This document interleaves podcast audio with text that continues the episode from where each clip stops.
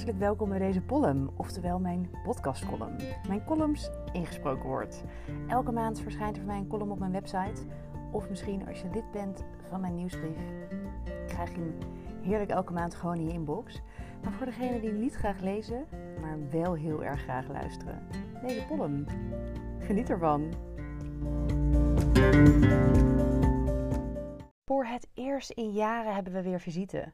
En met visite bedoel ik logies. De grenzen zijn weer open, dus de logies staan weer in de rij. Het is nummertjes trekken geblazen. Enfin, er kwam dus een vriendin over. Heerlijk, een weekje met haar bibs in de zon, boeken lezen, wijntjes drinken, tijd voor haarzelf. Want man en kinderen bleven lekker thuis.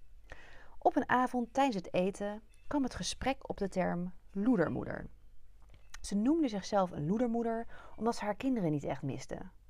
Ik, een granny die het meest van de tijd in een totaal andere dimensie bivakkeert, had uiteraard nog nooit van deze term gehoord. Na een zeer kortdurend onderzoek kwam ik erachter dat het een ware hit is en al een halve eeuw bestaat.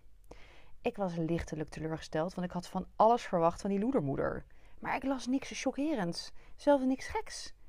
Er stond dat loedermoeders de was laten slingeren in huis, zwarte randen onder hun nagels hebben, hun kinderen met vieze gymkleding naar school laten gaan, twee verschillende sokken laten dragen, of zelfs, ja nu komt het, hun kinderen met ongekamd haar laten rondlopen. Oeh, nou als dat het ergste is, denk ik dan, wie heeft er in godsnaam geen was rondslingeren of twee verschillende sokken aan? Ik heb niet eens kinderen, maar ik heb zelf voortdurend twee verschillende sokken aan. En omgekamd haar. Als je op een eiland woont met windkracht 8, heb je sowieso altijd ongekamd haar. Laatst vroeg iemand waarom ik maar één sok aan had. Eén sok, dacht ik nog. Maar ik had gewoon één zo'n klein sokje aan die je niet kunt zien en één normale lange sok. Moet kunnen toch? Toch bleef de term in mijn hoofd hangen. Ik mag dan wel geen kinderen hebben, maar ik heb wel twee honden die soms een beetje toch ook wel aanvoelen als kinderen. Dus toen die vriendin van mij over haar loedermoederschap vertelde, dacht ik: God, wat ben ik dan wel niet? Onze eerste hond gaf ik te weinig eten. Kom je bij de dierenarts, zegt hij: Oh, geef je pup maar twee keer per dag eten. Ze moeten drie keer per dag. Oké. En bij de tweede gebeurde precies hetzelfde. Kwam ik bij de dierenarts, bleek ze veel te dun. Harenkammen zat ook niet in het systeem. Dus toen mijn ouders op visite kwamen, kochten ze direct een borstel. En sindsdien gaat onze hond dreadlockloos door het leven. Maar de allerergste hondenloedermoederactie gebeurde een paar weken geleden. Ik heb namelijk mijn hondenkind uit een rijdende auto laten vallen. Oh my fucking god. Ze hangen altijd, echt altijd uit het raam met hun neus in de wind. Maar blijkbaar gleed ze dit keer uit. Ik schok me kapot en die hond natuurlijk ook. Resultaat: achterpoot uit de kom plus een gebroken heupkom. Ik was natuurlijk al lang blij dat niemand over haar heen gereden was, maar toch, foute boel dit.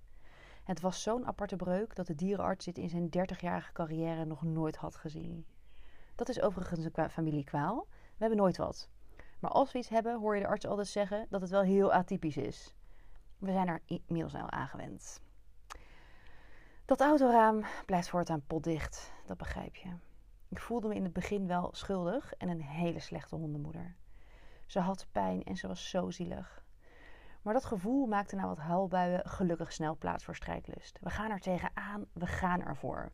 Ook hebben we maanden geduld nodig, het komt goed. Ik ga meer tijd thuis doorbrengen en haar vertroetelen, zodat al haar energiebolletjes op haar herstel gericht kunnen worden. En nu ik toch meer thuis ben, kan ik meteen de was doen. Alle sokken bij elkaar zoeken, mijn haar kammen, die grote zwarte randen onder mijn nagels schoonwoenen.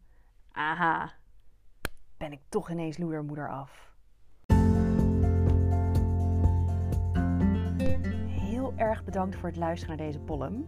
Mocht je nou de column elke maand in je inbox willen ontvangen, dan kan dat natuurlijk.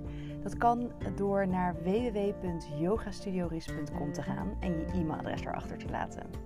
Je kunt me ook volgen op Instagram en Facebook. Dat kan via Yoga Studio Ris en via Studio Ris de Tiny Shop. Ik wens je nog een hele fijne dag. Música